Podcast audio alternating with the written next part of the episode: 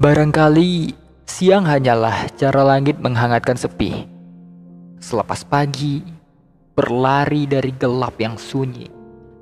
Meski nanti akhirnya kembali lagi pada sepi.